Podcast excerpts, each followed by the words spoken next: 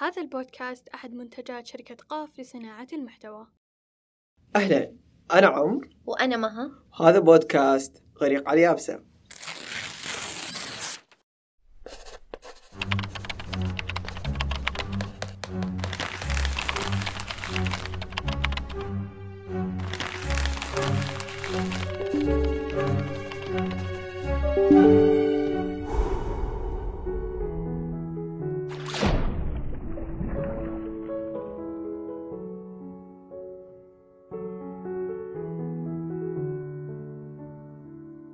بداية خلينا نتكلم عن بودكاست غريق على اليابسة عمرو. بودكاست غريق على اليابسة مها آه هو بودكاست بسيط جدا من الناس وللناس رقم واحد. آه دائما عمرو يؤمن آه بنظرية أو بمقتباس اللي هو الكتاب واضح من عنوانه. فعنوان البودكاست غريق على اليابسة. بمعنى؟ لو وقفنا شوي وشفنا إيش يعني أو كذا تأملنا بمعاني كلمات جملة غريق على اليابسة بما معنى إنه يعطيك إيحاء في فكر في تفكير كذا في تفكير عميق جدا. وهذا أكثر شيء يمثلنا في اللحظة الحالية اللي مين في ما هو قاعد يفكر؟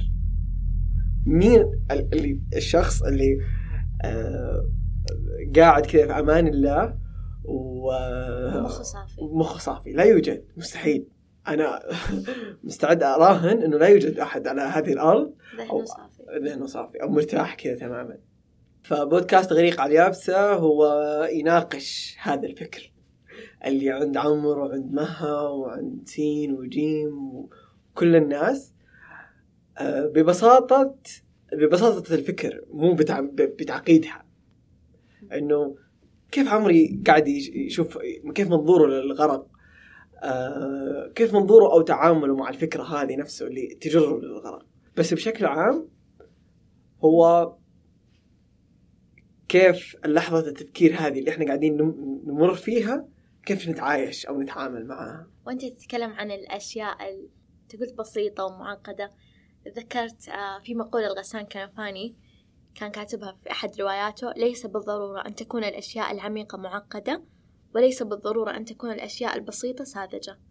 إن الانحياز الفني الحقيقي هو كيف يستطيع الإنسان أن يقول الشيء العميق ببساطة.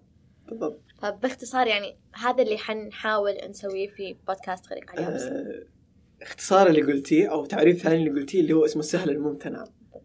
اللي هو آه، يكون واضح كثير صعب للعلن إنه آه، جدا معقد. بس لما يجي في لحظتها لا هو مش معقد ابدا. هو بسيط.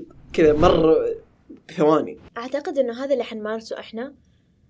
بين الشخص وبين نفسه. الأفكار طالما هي في راسك أنت حاسة إنها معقدة وصعبة. مم. بس إحنا في هذا. البودكاست حنحاول نطلعها من أدمغتنا على أرض الواقع. صحيح. وإنه قد إيه ممكن تكون الفكرة سخيفة في دماغك وفي الواقع تكون عميقة والعكس صحيح.